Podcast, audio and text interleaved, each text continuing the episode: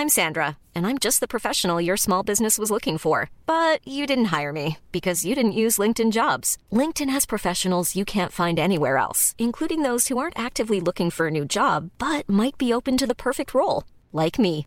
In a given month, over 70% of LinkedIn users don't visit other leading job sites. So if you're not looking on LinkedIn, you'll miss out on great candidates like Sandra. Start hiring professionals like a professional. Post your free job on linkedin.com/people today. There's never been a faster or easier way to start your weight loss journey than with PlushCare.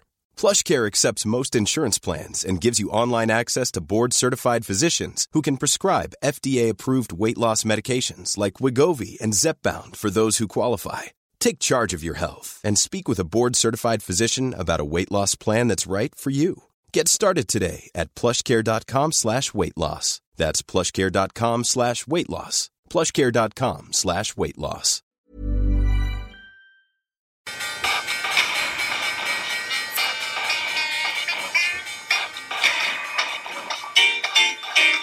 The governments don't rule the world.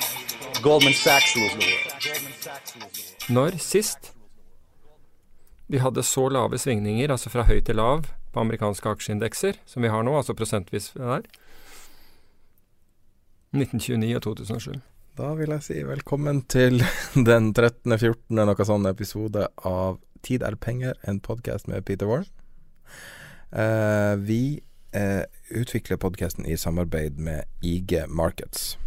IG Markets er et eh, meglerhus eh, som handler med CFD-er, som ble grunnlagt i Storbritannia for over 40 år siden, og i dag har 150 noe tusen kunder. Eh, de har kontor som for Skandinavia i Stockholm, og de har eh, kontorer i 20 land rundt omkring. Det er en nettmegler du kan gjøre handler på kort og langsiktig basis, og en av de kanskje mest populære produktene deres nå er at du kan handle bitcoin både long og short. Så det har vi snakka om tidligere episoder, at det kan være en bra måte hvis du er negativ eller positiv til bitcoin. Eh, I forbindelse med podkasten så skal Peter eh, gjøre et eh, foredrag på Stratos på Jungstorget eh, den 15. november. Så hvis du har lyst til å møte Peter og høre på det, der du skal snakke, hva du skal snakke om egentlig?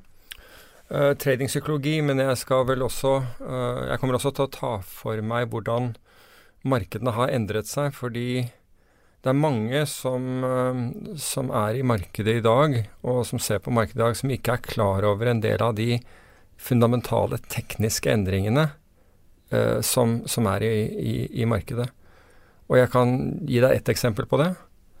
Og det er at av, av uh, ordre som legges inn i USA? Vi, vi, følger jo med på USA på ettermiddagen, og inn, ikke minst på denne mini-SMP og, og, olje og alt det der andre.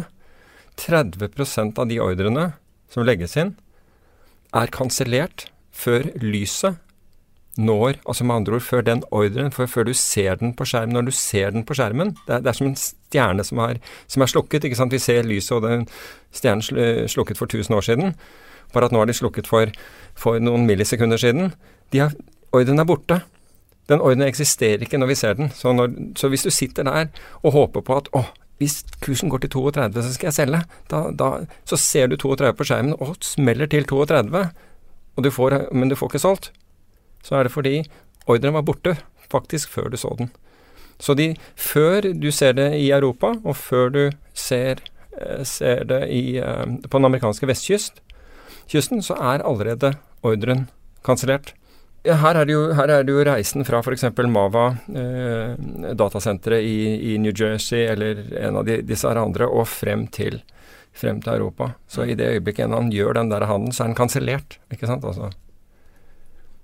Og altså 50% av alle ordre blir kansellert før det har gått 0,1 sekund. Mm.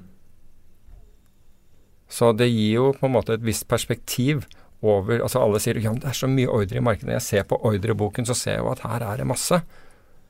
Ja, er det det? Eller er det bare lys? Hvor lang tid tar det før bitcoin faller fra 7800 dollar til 7100 dollar. ja, det, det, tok ikke mange minuttene i natt, i hvert fall. Det, det, gikk på sekunder i natt. Ja. Så, Hva du syns du om utviklingen til bitcoin? Uh, altså, du, det, det, morsomme med, med, med, bitcoin er jo at det er flere og flere og flere som har interessert seg for det, og, og, og flere og flere meglerhus hiver seg på. Um, det dukker opp på flere og flere plattformer osv. Men den, den uh, nyheten som kanskje har på en måte slått an mest i markedet, det var den at Chicago Mercantile Exchange uh, skulle uh, notere bitcoin-derivater, altså futures på, på, på bitcoin. Og det sendte jo bitcoin-kursen opp med en gang det ble kjent. Bitcoin-kursen dro ordentlig til himmels.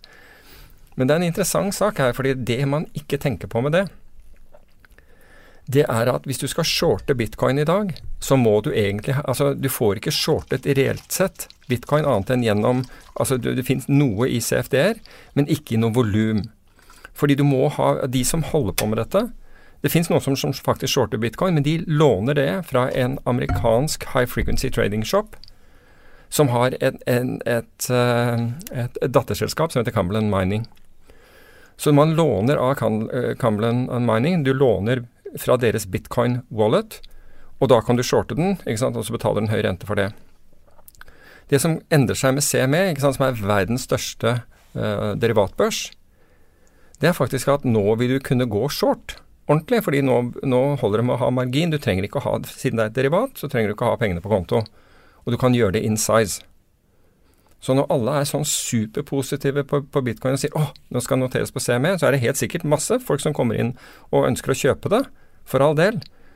Men tvilerne, disse Jamie Diamonds of the world og, og vi har snakket om Kyle Bass og, og en del andre, de får nå for første gang anledning til å gå imot i et stort marked. Og kanskje eh, i forhold til hva de har lov å handle som fond? Så hvis ja, er på CME, så har de vel lov å handle det? Ja, ja, for da blir det ikke sant, altså CTA, da, Commodity Trading Advisors, de er jo nødt til å handle i futures ikke sant, som, som befinner seg på en børs. Så nå kan plutselig en hel haug andre komme inn. Men, men, dette blir første gang altså Det skal skje nå i fjerde kvartal, ifølge CME. da, så skal dette skje nå i fjerde kvartal. Dette blir første gang hvor du på en måte får no, hvor, hvor, noen får anledning til å uttrykke det motsatte syn, istedenfor å si ah, bitcoin det er en kjempeboble, det der kommer til å gå til helvete. Nå er først, ikke sant, Alle kan si det, så lenge du ikke har, setter penger bak det, så kan hvem som helst si det. Men, no, men dette blir den første anledningen hvor you can put your money where your mouth is. Hvor mange bitcoiner tror du, tror du det er mulig å handle i sekundet? Jeg hørte på en, eh, en podkast som vi har delt på gruppa eh, på Facebook-gruppa til, til podkasten her, der um, det, det, gikk ganske det tekniske. Og forklarte hva bitcoin var. Forklarte ting som, som jeg aldri har hørt om Ja, og før. kostnaden ved osv.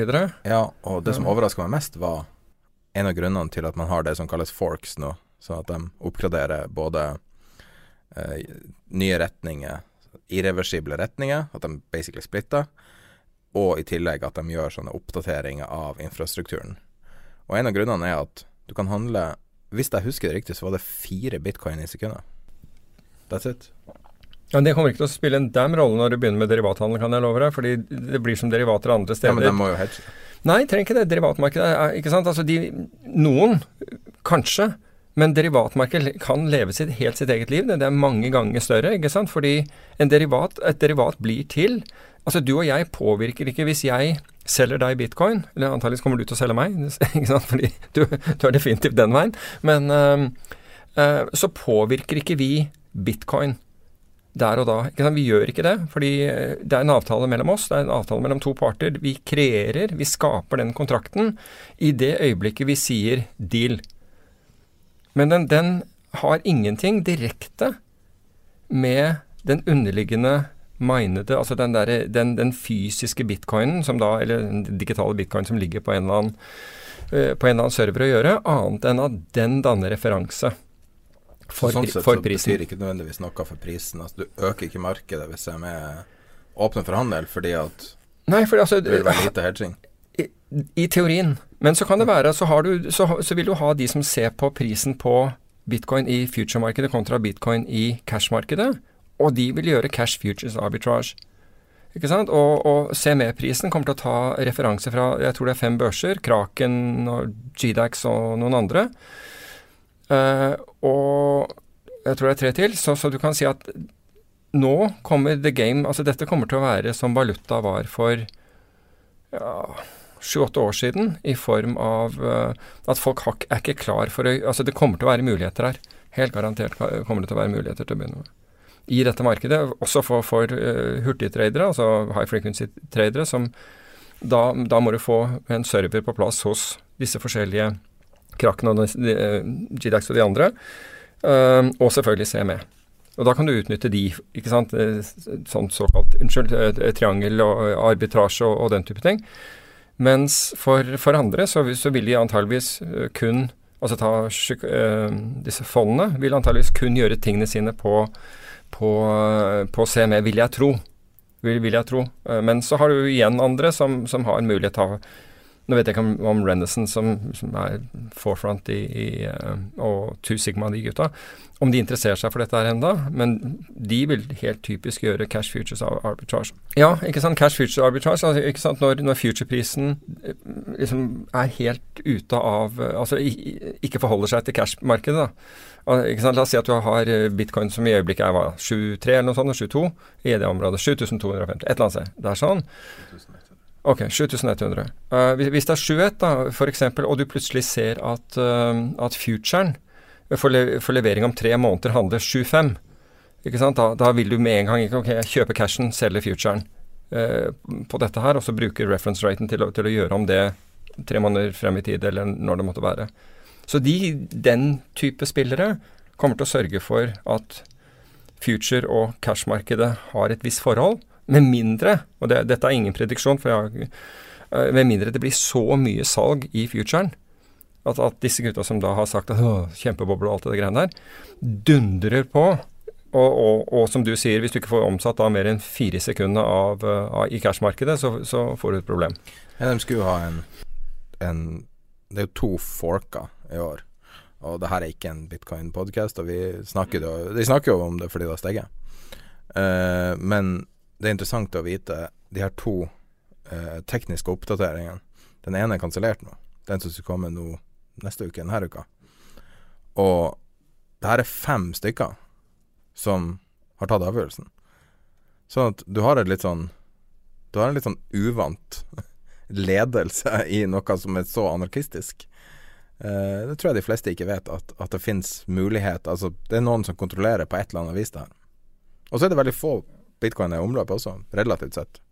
Så det er vanskelig å få tak i, som en av grunnene til å ha steget. Men det, var, det, det, er interessant, fordi jeg, jeg møtte en, en, kar forleden dag uh, i, i 50-årene, og han, det første han sier til meg, er at uh, han, hadde, hadde, solgt hele alle aksjene sine i, i januar. Har solgt hele aksjeporteføljen sin i, i, januar. Og så sa jeg det var jo synd, liksom, markedet har gått veldig bra siden det. Ja, men vet du hva jeg gjorde? Jeg putta 25% av det han hadde solgt for 10 millioner kroner eller noe sånt. Uh, jeg putta 25% altså 2,5 millioner i bitcoin. Så jeg har Så han sa jeg risikerer selvfølgelig de 2,5, men hva, hva risikerer jeg hvis jeg sitter med alt sammen i aksjer nå? Og jeg har hatt mye bedre avkastning. Og nå driver han og scaler litt ned på, ned på, det, så han har jo hatt en fantastisk reise. Jeg må innrømme at jeg tenkte jøss, det var jo faktisk smart. Han, han sa jeg jeg sa hvorfor puttet du ikke hele? Nei, den type risiko den, det var helt uaktuelt for ham. Han er ikke sånn høyrisiko, hadde ikke noe peiling. Men øh, så puttet jeg en fjerdedel. Han sa de hadde hatt en grei reise på, i aksjemarkedet. Tok jeg bare 25% Først tenkte jeg 10% men så, så ble det til 25 Og så har det gått seksgangeren. Ikke sant? Så det, så det, er jo en bra avkastning han har hatt, og, og risikert mye mindre penger altså Jeg ser vel bitcoin noe i samme. Altså det er, for, for, all del, altså det er mer spekulativt og det har mye høyere volatilitet. Men altså for de som liker volatilitet, altså folk klager jo over at de ikke har nok volatilitet. Så, så jeg tror det blir en game changer for, for bitcoin når, når, denne børsen, som, som jeg sa, så mange fond er avhengig, de får ikke lov å handle andre instrumenter. Uh, altså alle disse CTA-ene, Commodity Trading Advisors, altså alle disse trendfølgende fondene og kvantitative fondene, de må sitte med de, de får lov å handle futures-kontrakter. De er NFA-registrert. Um, slik at jeg tror det blir en game changer, for nå har du muligheten til å uttrykke uh, altså på, i, i, i volum det du mener. Om du er positiv eller negativ, springer en rolle, men nå har du for første gang så vil du få muligheten til å uttrykke det med et visst volum. Så det blir bra. Du trader futures? Ja. Har du lyst til å trade bitcoin futures? Uh, vet ikke. Få se på det. Se på hvordan det, der, eh, hvordan det ser ut. Basert på det du vet i dag? Uh, jeg vet ikke nok i dag, for å være helt ærlig. Men, uh, men definitivt kommer det til å være på, på agendaen å se på, ja. Men Det da er det via en derivat? Da er det via derivat, ja. Ja. Fordi at du er bekymra for infrastrukturen og oppgjøret og alt sånt? Nei, fordi jeg, jeg, tror at, jeg tror at likviditeten vil være mye høyere der. Jeg tror at toveislikviditeten Nå er det jo slik at, øh, at øh, likviditeten er jo, øh, er jo Den er jo på ingen måte uniform, men det er den ikke nødvendigvis på en børs heller. Altså med andre ord, hver time på dagen har ikke den samme likviditeten. Det har de ikke i valutamarkedet heller i dag. Men, men med bitcoin så, virker den veldig sånn randomisert. ikke sant? Plutselig så spiker dette, øh, som vi hadde i går, da. Fra nesten 7009 og rett ned til, eller motsatt, det dropper til, til 7001. For Spika rett før. ja, og så rett opp til 7-4. ikke sant? Altså Plutselig skjer det der, og det skjer så lynfort. Slik at du har den så veldig randomisert i øyeblikket. Og gjerne på tid Dette skjedde jo sent i går, så vidt jeg husket, men Eller i hvert fall utpå kvelden. Mens, eh, mens jeg tror det blir litt mer eh, det blir mer forutsigbart når du får det på, på en eh, autorisert eh, og, og regulert markedsplass. Og det er det jo. ikke sant? Det er til de grader regulert. Hva skjedde Nikkei i dag? Ja, Nikki var faktisk litt interessant i, i dag morges, fordi eh, Nikki har jo steget kraftig den senere tiden. Det er jo nesten vertikalt. Altså Det er jo det markedet som har hengt igjen, toppet ut i 1990. Og vi har ikke sett den kursen siden. Men i dag morges gikk den til en ny 25 års toppkurs. Opp 2% bråsnudde og falt ned 1% og endte ned 0,2 Skremte vann av folk, for de har ikke sett den type, øh, den type øh, volatilitet på lenge. Og det, det, det medførte uroligheter gjennom hele Asia. Altså, Vi er så vant til at det ikke svinger nå, at, at en sånn bevegelse det, altså, hvis, du, hvis du målte Nikkei da, fra dagen før, så var den ned 0,2% udramatisk, ikke sant? Men fordi folk har så belånte porteføljer, så var en for det første 2% opp til 1% ned. Det begynner å trigge stoppnivåer. vet du, Om du er short eller long, så begynner ting å trigges. Fordi du tåler så lite. Fordi hele systemet er dimensjonert for veldig, veldig lave svingninger. Så vi er overbelånt, og, liksom, og vi har, og vi har veld, veldig lav uh, volatilitet. Så, så det skremte markedet uh, på, på morgenen. Så, og det har liksom dratt litt inn i Europa, med hvor Europa også ser litt nervøst ut. Men det har ikke vært liksom de, de svingningene der. Så Du, Før vi starta, så snakka du om LTCM, Long Mm. Term Capital Management. Og da Du ser litt kobling i dag. Da det som, det som trigga det fallet, var jo russisk default, det som ikke kunne skje. Ja, altså egentlig så be, Ja, det begynte jo Altså Long Term Capital Management var på det tidspunktet verdens største fond. Ikke bare verdens største hedgefond, men verdens største fond. Og det ble, dette fondet ble grunnlagt i, i 1994 og hadde to nobelprisvinnere blant, eh, blant eh, de, som, eh, de som startet fondet. Um, det var eh, Merton, altså Bob Merton og ikke Fisher Black, men Myron Scholes eh, som sto bak det. Pluss eh, stjernetraderen fra, fra Salomon Brothers, John Mer Merriweather, som starter dette fondet. Og i løpet av de neste tre årene så tjener dette fondet ca. 40% avkastning i året. Med nesten ingen volatilitet.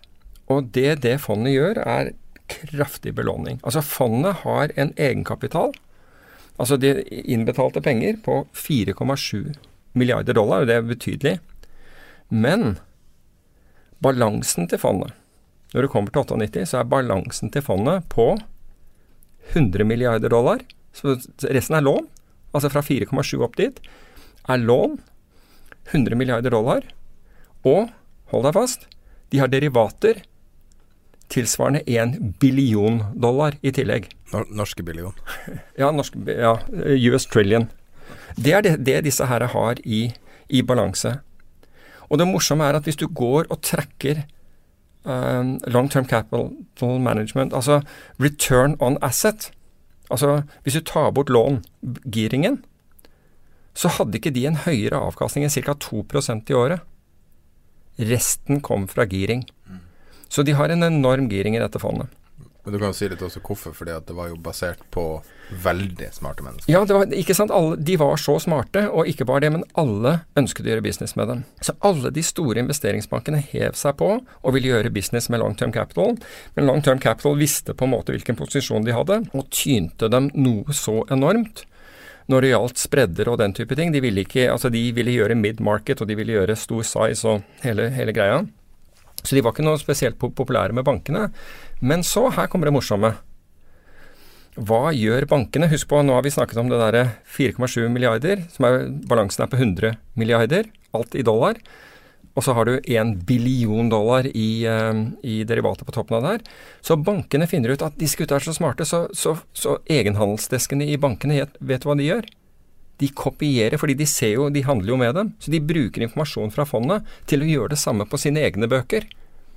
Så det er ikke bare long term capital, men det er liksom 20 av verdens største investeringsbanker som sitter og gjør det samme. Altså Da mener jeg Goldman, UBS, Jape, hele gjengen sitter og kopierer. Bank America, Merrill Lynch, alle disse her sitter og, og kopierer traden deres. Ikke sant? Og de gjør sånne ting som De ser på Du har noe som heter on the run and off the run bonds. Statsobligasjoner. On the run det er på en måte den 30-åringen og den 10-åringen som handler i øyeblikket. Men 10-åringen om et år, den blir da ni år, ikke sant? og 30-åringen blir 29 år. Og en ny 10-åring utstedes, og en ny 30-åring utstedes. De handler fordi alle sitter og handler liksom den benchmarken, den 10-åringen eller 30-åringen. Så handlet den 9-åringen og 29-åringen med, med, litt for billig i forhold til den andre. Sånne ting var det, var det Long Term Capital Management gjorde. De shortet tiåringen og shortet 30-åringen og kjøpte niåringen og, og, og kjøpte 29-åringen. Sånne små ting. Med enorm giring. Og en ting du, som er her, det er at du har short volatilitet i denne traden. Akkurat som markedet i dag er short volatilitet. Det er akkurat satt ny rekord i produkter som er short volatilitet solgt til, solgt til eh, investorer. De aller fleste vet ikke at de er short volatilitet engang. Og folk som, som investerte i long term capital management, tenkte aldri at de var short volatilitet på den måten. I hvert fall, resultatet av dette, så kommer du da til oktober 1998, husk på dette her, de har hatt ca. 2% avkastning, men pga. giringen 40% avkastningen i, året. Ingen tror det er risiko, fordi, fordi, de måler jo hvor mye dette svinger. Og siden det svinger så litt, så, kan du, så, så tar til og med kundene deres, investorene deres, og belåner sine andeler for å få enda mer. Ok? Og bankene kjører på det samme. Så kommer oktober 1998, ikke sant, hvor, hvor den russiske default som du, du snakker om, og long term capital management faller 44 på en måned. I den gangen alle trodde det er så likvide markeder, se hvor mye ikke sant? Det er ingen problemer, det finnes ikke en sky på himmelen. Jeg husker jeg holdt et foredrag rett før dette her om at jeg syntes markedet så, så risky ut. Jeg, jeg, jeg, jobbet i bank på, på det tidspunktet, og, jeg, og, det var en av kundene, en investor, kjent, som ble så irritert og mente at det var bare tull. Det fantes jo ikke risiko, de måtte skjønne det. Alt var i sin skjønneste orden. Det var helt idiotisk liksom å påpeke noe som helst. Bom, så er den ned 44% og alle har et kjempeproblem. Long term capital management er uten penger, fordi de, det forsvinner. De skylder. Bankenes proppdesker taper penger så det er helt for jævlig. Alle, alle, stikker, alle prøver å selge. Det fins ikke marked å selge i. Jeg husker jeg snakket med, med, folk som var vant til å handle 50 og 100 millioner dollar i obligasjoner på én trade. Og, som, som, da, som da hadde liksom kjørt på en dag for å selge. Han hadde klart å selge for 3000 dollar. Ikke sant? Og, og, han meldte av Vi fikk solgt Gaffen i halsen! ja, men, 1000 dollar! Ja, men, men, det verste var, var, var at um, Det verste var at Ja, det, det, ikke sant? Og de hadde, de hadde, en kjempebok å selge. Og så når han meldte vi har, vi har, solgt, vi har, vi har solgt tre, så trodde, trodde faktisk ledelsen at de hadde liksom tre milliarder av denne boka var blitt redusert. Det var 3000 dollar de hadde klart liksom å, å, å, få ut. Så gærent er det. Så det ender da med at uh, sjefen for uh, New York Fed, Donahue mener jeg at han het, uh, kaller bankene inn og mm. sier at de kommer ikke til å redde dette fondet. De kommer ikke til å redde bankene. Her får bankene putte opp pengene og klare dette her sjøl. Så han tvang bankene til å putte opp penger og komme seg ut av den Vet du hvem den ene banken som ikke gjorde det, var? Som ikke gjorde det? Mm. Som ikke puttet opp penger? Nei. Goldman puttet opp penger, i hvert fall. Aha. Lehman Brothers. Ja, klarte de å ikke putte penger i den derre Jeg er helt sikker på det. Ja, ok. Det er mulig, det. De, de, de, Lehman var de eneste som ikke baila ut. Skal vi se Jeg må dobbeltsjekke det. men uh, Ja. Ok. To banker. Jeg sa Ok. feil. To Aha. banker var ikke med. Lehman Brothers og Bear Stearns. Aha. Det er påfallende, altså. Ja. Og, og det er en konspirasjonsteori som er Ja, at, du, at ja, det er grunnen til at de gikk under. Det, det, det tror jeg stemmer. Altså, jeg har også hørt den derre altså når det kom, Du tenker når det nå kom til finanskrisen, finanskrisen, så husket man det. Institutional Ja. memory. Ja. Og den, den er nok der eh, når, det gjelder sånt. Men, Men hva eh, er koblinga til i dag, da? Men koblingen til i dag er jo at det er Altså inntil nikket i dag morges, men liksom la oss ikke ikke Og Hang Seng forrige gang vi hadde en Ja, men, men er at det, er- det fins nesten ingen volatilitet. Følgende av det er at folk, altså belåningen i markedet har aldri vært så høy som den er nå. ikke sant? Den er helt rekordbelåning. Og du får låne veldig mye, fordi det er nesten ikke volatilitet. Og det er akkurat samme som long term capital. De fikk låne veldig mye, for det var ikke noe volatilitet. Og investorene fikk låne mye for å investere i det, for det fantes ingen volatilitet. Ikke sant? Så den, altså det er veldig mye likt her, i, i form av det. Og som sagt, fire, altså dette fondet som ikke, omtrent ikke hadde hatt nedsidebevegelse, faller 44% på en måned. Og jeg mener at det, det, altså, du kunne ikke predikere at det var den måneden, men du, kunne, men du kunne se på risken. Altså de er så short volatilitet. Hva hvis noe skjer? Og problemet her er at i øyeblikket så er det jo Hver gang markedet trekker seg tilbake, så sier det liksom 'buy the dip'. Det er ingen fare, buy the dip. Her. Og det, og det funker, det. Helt inntil det ikke funker. Og det neste du får er en margin call, hvor du ikke har noe penger til å buy the dip. ikke sant? Du må faktisk selge for å møte den margin callen. Da har du liksom et helt annet, type, eh, type scenario foran deg. Jeg skulle tro at stoppnivåene også ligger Alle har stoppen omtrent samme sted. Ja, det vet jeg ikke. Altså, folk har jo stoppen eh, ja, på, på så mange steder, men, men du kan si at det hjelper Altså, eh, hvis du får en gap move, da. La oss si at, la oss si at en bevegelse skjer i Asia, da. Og du har en, har en stopp 5% ned, eller et eller annet sånt, og så åpner vi 8% ned. Da er det den prisen du får i beste fall. Eller 10% ned, eller, eller, hva det var. Jeg sier ikke at de gjør det, men vi har jo snakket om det før. altså Den, den likviditeten er helt illusorisk, fordi det er ikke prinsipaler som Det er ingen risikotagere der ute. Alle priser av noe annet hele tiden. Alle prisene du ser på skjerm er stort sett priset av noe annet. Olje, Statoil og prises på basis av en, en, en kurv av andre oljeselskaper, altså mer eller mindre. Det finnes jo selvfølgelig ordre i Statoil, men de som sender inn priser hele tiden til markedet, de priser av en kurv av andre oljeaksjer. Eventuelt også oljeprisen. Så alt er priset av noe annet. Og i det øyeblikket det, liksom det der tørker ut Altså Husker du vi hadde den der flash-crashen i, eh, i ETF-er? Hvor ETF-markedet liksom faller 40 Noen store ETF-er i statene faller over 40% på noen sekunder. Det nettopp viser det jeg snakker om, at plutselig så er ingen der. Det er Altså, det, det tørker ut. Og det, altså Det er bare ting å ha i, i bakhånd. Jeg så For øvrig så var det en nyhet i dag fra, eh, fra Fitch. Og det kom akkurat samtidig med at jeg fikk en, fikk en sånn reklame i e-mail som sa du bør kjøpe europeisk high yield nå, på norsk. Altså dette, dette er eh, Selskapet er riktignok ikke norsk, men det fins eh, her i Norge. Dette er tiden for å kjøpe europeisk high yield. Okay? Under 2% avkastning får du for det. Fitch advarte i dag morges at eh, mot, farene i europeisk high yield-markedet. Og det er ganske interessant å se. Vet du hvor high yield-markedet lå? Du vet eh, eh, ECB, altså Den europeiske sentralbank, de hadde jo ikke anledning til å kjøpe det vi kaller corporate, altså selskapsobligasjoner, corporate bonds, før for ikke så lenge siden. ikke sant? Altså det, Man kjøpte jo bare statsobligasjoner. Vet du hvor markedet lå når de begynte å kjøpe corporate bonds? Altså hva, hva som var eh, Hvilket rentenivå du fikk på Hail da? 6 det de, altså, så de har kjørt dette her ned til under 2 og nå er anbefalingene kommer. Nå skal man kjøpe det. Men det er jo sånn Det er short volatilitet. Det er klart short volatilitet. Du har en bitte liten oppside og en full nedside. Helt liksom sånn meningsløst å gjøre. Norske high handler på, på høyere nivåer enn det, så der har du mer å gå på. Bare så det er sagt. Men europeiske high takket være sentralbanken, er blitt tyna ned her. Så um, mye interessant. En annen, annen, hvis jeg kan liksom bare fortsette på mens, mens vi befinner oss i Europa. Deutsch, vet du hvor mye Deutsche Bank betalte, har betalt i bonuser fra 1995 til nå? Nei. 71 milliarder euro.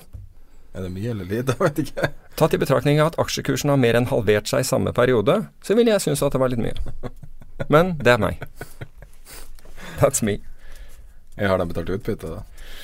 De har betalt noe utbytte underveis, men eh, det har jo ikke vært så mye av det de senere årene. For jo, aksjekursen har jo, har jo hatt eh, samme flyegenskaper som en murstein. For øvrig, hvis jeg kan bare kjapt spole tilbake til Long Term Capital Management, så Peter Williams, en av, apropos B. Stearns, en av B. Stearns-traderne som jeg kjenner godt, han, eh, han, hadde invitert en av partnerne til Long Term Capital Management, dette var i oktober i 98, uh, ned til sitt, sitt feriehus i Spania. Victor Hagany og kona. Og fordi de var Long Term Capital var, var, store kunder av, B. Stearns. Og da gikk det liksom rykter at ting ikke var bra, men de visste ikke helt hvordan dette lå an på, på det tidspunktet, for da hadde liksom ikke dette bikka ordentlig utfor. Men i hvert fall denne eh, bilen med, med, med Victor og kona kommer. Og Peter og kona står for å ta det imot. Men da går Victor, så sier han liksom 'hei, Victor', men Victor går rett gjennom. Gå rett forbi han, inn i huset, gjennom huset, i dress, og bare bikker bikker flate, bikker rett ut, ut, ut i svømmebassenget. Ansikt ned. Og da sa Peter Da skjønte jeg at ting ikke var helt bra. da var det sånn Jesus. Ja. Hvordan shorte dem, da? da sa han da Da, da, da forsto vi at dette var kjørt. Herregud. Så det er bra. Jeg får vondt i magen av å tenke på hva som kommer. Det er liksom det er, Vi er i en, en, situasjon som man bare aldri har sett. Du, du, du hadde en eh, Det du snakka om eh,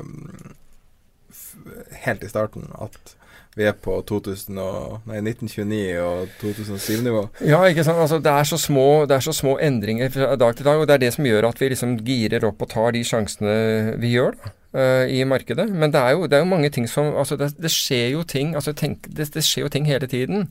Altså, det har jo skjedd mye, ikke minst nå i helgen med Saudi-Arabia, ikke sant. Altså, ja. Det er men, enorm, enorm omveltning. ja. House of Saud er ja, potensielt ja, kan falle, liksom. Nettopp, ikke sant. Altså, folk, altså Tenk deg hvis altså, i ytterste konsekvens så bryter ut borgerkrig i Saudi-Arabia.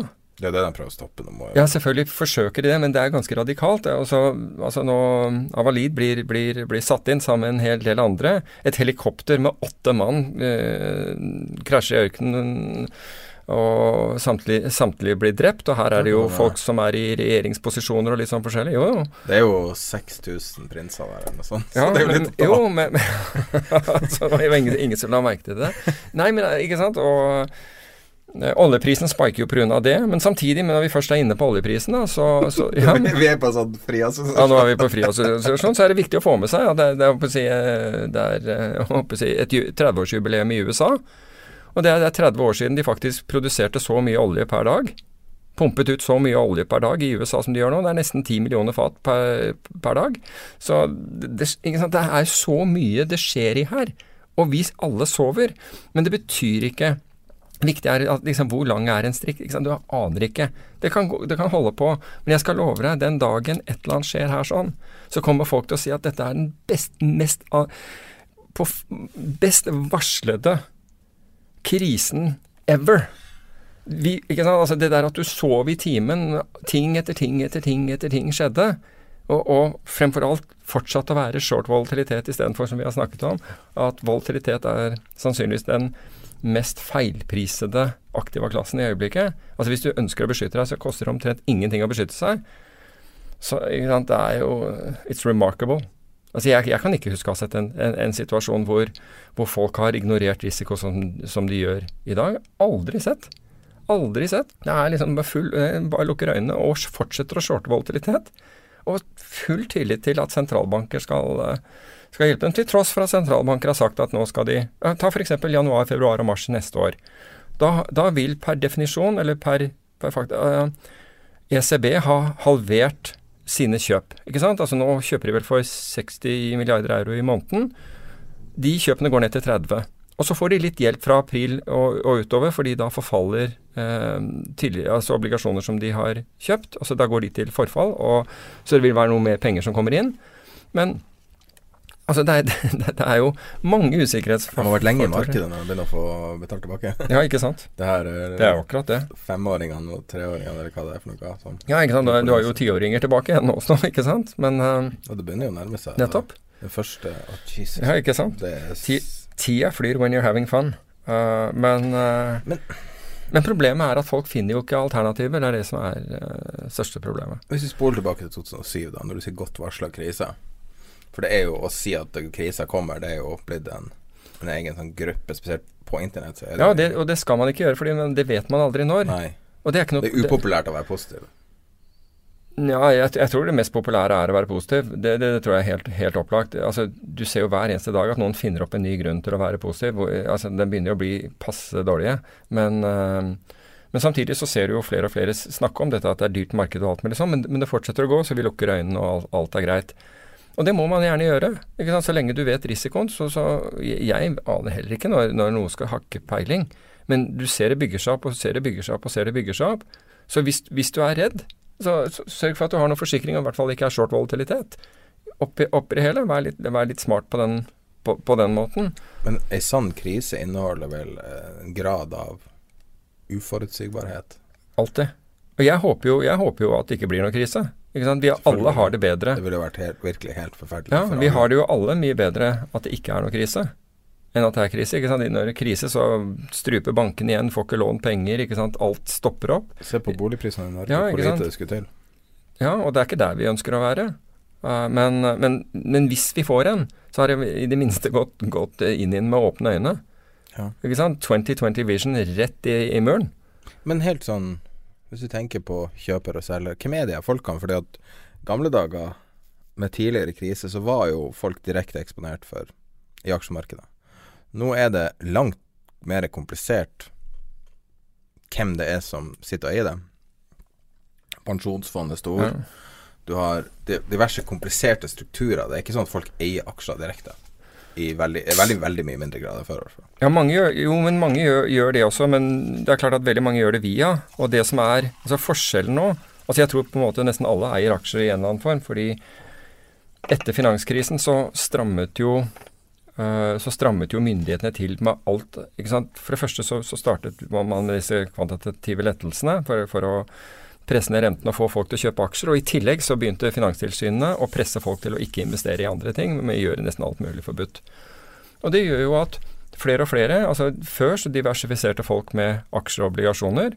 Men i dag er jo obligasjoner, i hvert fall statsobligasjoner, li, altså antageligvis dyrere. Altså mer overpriset enn det aksjer er. Så nå er det jo liksom Nå er det jo pest eller kolera. Du, har, du får ikke noe alternativ. Alternativet er bankkontoen din, ikke sant? Det er jo det som er blitt alternativ. Og det, og det, det får du høre at der kan du ikke ha pengene, for der får du ikke noe rente likevel. Så, så du ender jo du ender jo opp med svarteper, og du, du har aldri hatt så konsentrert øh, konsentrerte investeringer som du har i dag. Før så har folk hatt hedgefond, de har vært i andre ting, de har holdt på med ja, eiendom. Masse sånne ting som har funket for dem. Men nå er alle Nå er liksom gjenstående sitter nå i aksjer og obligasjoner. Og også for så vidt eiendom, men, og likviditeten av det er jo, er jo eh, ikke nødvendigvis høy når, øh, når, når markedene er, når markene er, dårlige. Så, så vi er liksom veldig konsentrert. Vi, vi, er, vi er alle de tingene vi, vi sa vi aldri skulle være igjen. Du skulle være diversifisert. Du skulle ha liksom diversifiserte porteføljer, robuste porteføljer, og etter forrige krise skulle man aldri gå tilbake igjen til å, å gjøre sånne dumme ting med høy belåning. Hvor er vi igjen i dag, da? Høye verdsettelser, enda høyere belåning, alt konsentrerte investeringer ikke sant, som ikke, ikke, ikke fungerer der vi er. Men finanskrisa er jo fortsatt ikke over, det er jo det som er problemet. Nei, la oss bare håpe Men vi later som men det er jo ikke det. Nei, men Altså Sentralbankene bærer jo basically all den dritten. En bad bank, liksom. Ja, og, ja, det er helt riktig det. Og, men, og, og bankene sliter også pga. regulatoriske krav. her, ikke sant? Altså Myndighetene kommer igjen helt på etterskudd. Og så kjører man på med kraftige eh, regulatoriske krav som medfører at, at kostnadsnivået i bankene går opp. Det er, ikke, det, er ikke, enkelt for dem heller. Så, pluss at de ikke har noe evne til å bære risiko lenger. Verken evne eller, eller, eller få, få, lov til å bære risiko av noe særlig betydning. Så, så ja. Det blir, det blir, interessant å se. Uh, kan jeg ta en sånn positiv greie her, sånn, fordi det høres så negativt ut. Uh, hvem er Kirsten Frivold? Pastor. Høres ut som en pastor. Er feil. Hun er ny managing director i Goldman Sachs. Oi, oi, oi, oi, oi. Breaking this. Breaking news. Fordi Goldman Sachs annonserte nemlig i går kveld 509 nye managing directors. Og Kirsten Frivold er blant dem. Hun har i hvert fall et norsk navn. Det skal ja. sies. Ja, hun er ikke norsk? Det vet ikke. Men, det, det, men blant de 509 Jeg trodde du breaka noe. men, men, hun er der. Men blant blant de, 509 så er det tre stykker som heter Choi til etternavn. Men jeg vet ikke om det om vi skal tro det er en konspirasjon av den, den årsak heller. Så mye skjer der også. 509. Det er faktisk eh, Det er de fleste de har hatt noen gang, tror jeg. Kirsten er jo et engelsk navn? Ja, hun kan jo være amerikansk eller hva som helst. Den jeg jeg uh, Jeg skal bare sjekke hun er. No, go ahead. Fra Colombia, og i hvert fall studert i USA. Mm. Så Men nå vet jeg i hvert fall en del hvem hun er. Ja. Det er kult. Det fins andre der med norske navn også, i hvert fall norske etternavn. Det, det fins noen stjerner på Wall Street, da. Det er jo en han, han der Rigg-karen i Morgan Stanley, f.eks. Husker ikke hva han heter. Det fins jo noen norske stjerner på Wall Street. En og annen. Andreas Halvorsen er jo blant, blant, dem, bortsett fra at han sitter Tiger Cub er ganske høyt oppe. Ja, hvor han sitter i, han sitter i Greenwich, uh, Connecticut. Men uh, det er jo Har du besøkt noe? Nei, ikke der. Jeg besøkte han da han var i uh, Han hadde kontor i, på Manhattan. Er det fint kontor? Nei, altså ikke noe sånn overdådig i det hele tatt. Altså de, er, altså, de gjør jobben sin, de der folkene. Typisk hedgefond, bruker ingen penger? Nei, altså noen Jeg har jo vært hos noen hedgefond som ser litt sånn overdådig ut, men de aller fleste gjør ikke det. De, de det er ikke det de bruker pengene på. I hvert fall ikke der og da. Noen hus i Hampton så er det muligens, men Fikk et spørsmål fra en leser, apropos det du sier. Jeg kan også oppfordre alle til å bli med i Facebook-gruppa til podkasten. Søke på Tid er penger på Facebook. Vi fikk den 400. medlemmer nå, så Oi. en liten prosentandel av lytterne hører yes. der. Yeah. Så der deler vi litt sånn nyheter og diverse. Så. Jeg fikk et spørsmål i forbindelse med episoden, og det er veldig sånn vagt, men det er et godt spørsmål likevel. Uh, han Det er en som lurer på hvordan man evaluerer finansielle produkter. Altså mer sånn generelt hva, hva du gjør for å La oss si evaluere en warrant eller en ETF eller, eller et fond eller et strukturert produkt eller noe sånt. Ja, altså hvis du ser på strukturerte produkter, eh, CFD-er eh, La oss ta, ta, de fordi de, de befinner seg i en enden. Da er det motpartsrisikoen du, som er viktig. Hvem er motparten min til dette? Fordi jeg kan ikke, veldig mange av disse kan jeg ikke omsette eh, andre steder enn hos den jeg har kjøpt av eller solgt det til, eller hva som helst. Den jeg handlet første gang med. Så du er avhengig av det. Og det er viktig at den motparten er en bra motpart. Altså noen du har en god relasjon til, så du vet at de stiller opp. Og, og fremfor alt at de er finansielt sterke. Ikke sant? Slik at de tåler ikke sant, at de, de, de, altså Et mindre meglerhus som begynner å utstede CFD-er? Kanskje ikke en god grunn. Eh, kanskje ikke veldig smart. Fordi den er lokal. den er, ikke sant, Motparten er dem. Så du vil ha en som, som, har vært der en stund, vist at de på en måte har vært der gjennom tykt og tynt. Det er fint hvis de har vært der gjennom sånne ting som bl.a. finanskrisen, og klart seg gjennom den. Da, da, vet du noe mer om dem, og at de har kapital. Så det er det viktige når det gjelder de produktene, fordi du er helt prisgitt den du har handlet med første gang, med å bli kvitt det. Når det gjelder ETF-er, så, så er jo de på børs, så der er du ikke avhengig av en enkelt motpart. Men der, er, der, har du et helt marked som kan være interessert, ikke sant? Som, som, driver og følger med på det. Så der har du litt lettere. Og det gjelder jo altså det, det mer likvid børsnotert produkt er, eh, det bedre er det. Altså, vi har jo snakket om dette tidligere, bl.a. med CDS-kontrakter, ikke sant? som da bankene market, altså ga feil verdsettelser når finanskrisen begynte, fordi de var short dem selv og trengte å få det tilbake. Så de ga feil verdsettelser. Bevisst feil verdsettelser på dem. Slik at du, du skjønte ingen, for, ingenting, for obligasjonene falt, og da skal CDS-en stige i verdi. Og CDS-en steg ikke i verdi til tross for at, liksom, at obligasjonene var bortimot i fritt fall. Så var det ingen effekt på dette. Og det du fikk høre da, når du liksom tok kontakt med, med, med, med banken du hadde handlet dette med, var at eh, et navn som ble nevnt, var AIG, som var en sånn kjempestor utsteder av disse her. Viste seg at de holdt jo på å gå over ende pga. dem. Men at det var de som de, hadde, de, de, var store selgere fortsatt. var derfor det, Men i virkeligheten så var det ikke det slik det var. Bankene var desperate for å prøve å få det tilbake. De turte ikke å slippe prisen løs. Så de ringte rundt til kundene. Du har kjøpt det, vi kan Og jeg hørte av én, for øvrig et, et, fond som akkurat uh, ga seg nå. Et fond i, uh, i, USA, et hedgefond som heter Balestra, akkurat ga seg. De gjorde kjempebra i 07 og 08, flere hundre prosent opp. Men nå ga de seg det ble omdannet til et family office. Men, de, men der, der ringte bankene og prøvde seg med den. Og så sa de, vet du hva, vi tror ikke på dette her. Vi kan fylle deg på denne kursen, som var liksom fem ganger prisen eller et eller annet sånt, altså i forhold. Vi kan fylle dere der for det, det volumet dere ville ha. Det, vil ha. det var snakk om 350 millioner dollar eller noe sånt noe. Og han karen sa jeg kommer aldri til å, eh, til å skjønne. Greit, jeg la på, så ring, ringte telefonen igjen. Så sier han ligger du der fortsatt? Ja, sier han. Er det mine. Fem ganger prisen. Fem ganger. Altså. Og det første bevegelsen? Er det? Var en av de Ja, det var e, e, ikke den aller første, men en av, de, en av de første bevegelsene. Altså før dette virkelig hadde kommet i gang. Hva med andre produkter, altså i forhold til spørsmålet som du Ja, som hva da? Altså Warrants, eksempel? I, ja, det kommer litt an på. altså børsnoterte, altså Warrants er jo stort sett avhengig av én som sitter og priser disse her. Et eller annet hus som sitter og priser de. Ja.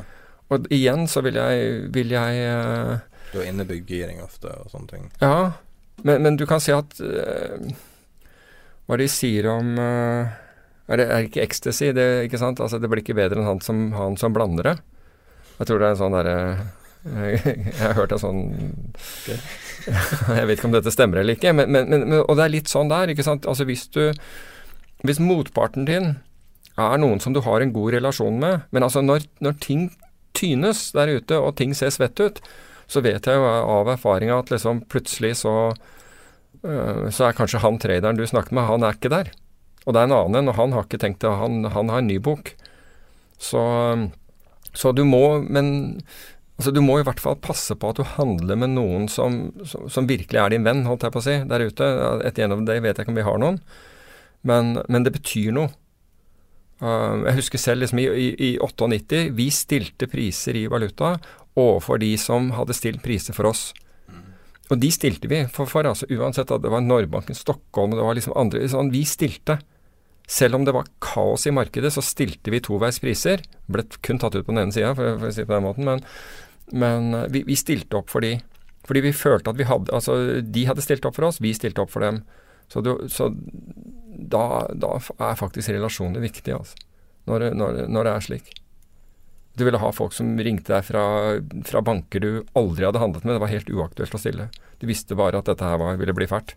Ikke sant? Spot valuta, ikke sant? noe som opp, altså, det er jo generelt noe problem, ikke sant? fordi det, det settles så fort. Og ja, ja. Det var jo problem med sveitserfrangen, så det skal aldri si aldri. Men oppgjør er jo typisk problemstilling. Folk tenker jo ikke på oppgjør så mye som man kanskje burde. Nei, altså nå er jo veldig mye gjort mot marginkonti og, og, den type ting. Du får jo Plattformer er vel sånn Altså i mye større grad nå så får du ikke gjort ting uten at du har uten at du har penger. Altså hvis du handler direkte med en bank, altså på telefonen, så er det mulig at liksom hvem, altså Avhengig av hvem du er og relasjonen du har til banken, at du kan gjøre ting. Men, men i aller fleste tilfeller så altså For det første må du ha et kundeforhold allerede, det er helt klart. Og mange plattformer vil ikke tillate at du handler på, for volumer uten at du har penger uh, til, til, å bakke det opp. Så Men jeg tenker litt i forhold til det vi snakka med bitcoin. Oppgjør er viktig. Oppgjør er viktig. Så når du kan en eller bruke en profesjonell plattform, så er det en veldig stor verdi. Ja, altså når, når, når CME Clearinghus, som altså jeg tror fryktelig mange banker feiler, av de virkelig store bankene feiler, før myndighetene lar CME sitt clearinghus gå, nedenom og hjem. Altså de, som klerer handelen og garanterer for, for handlene. Uh, slik at når du har CME clearinghus bak handlene dine For det, er, det, er det som er motparten din hvis du handler på, på Chicago Mercantile Exchange. Uansett hvor du handler, så er, det, så er det ikke den personen eller den institusjonen eller hvem det er du har handlet med. Det er CME som er motparten din.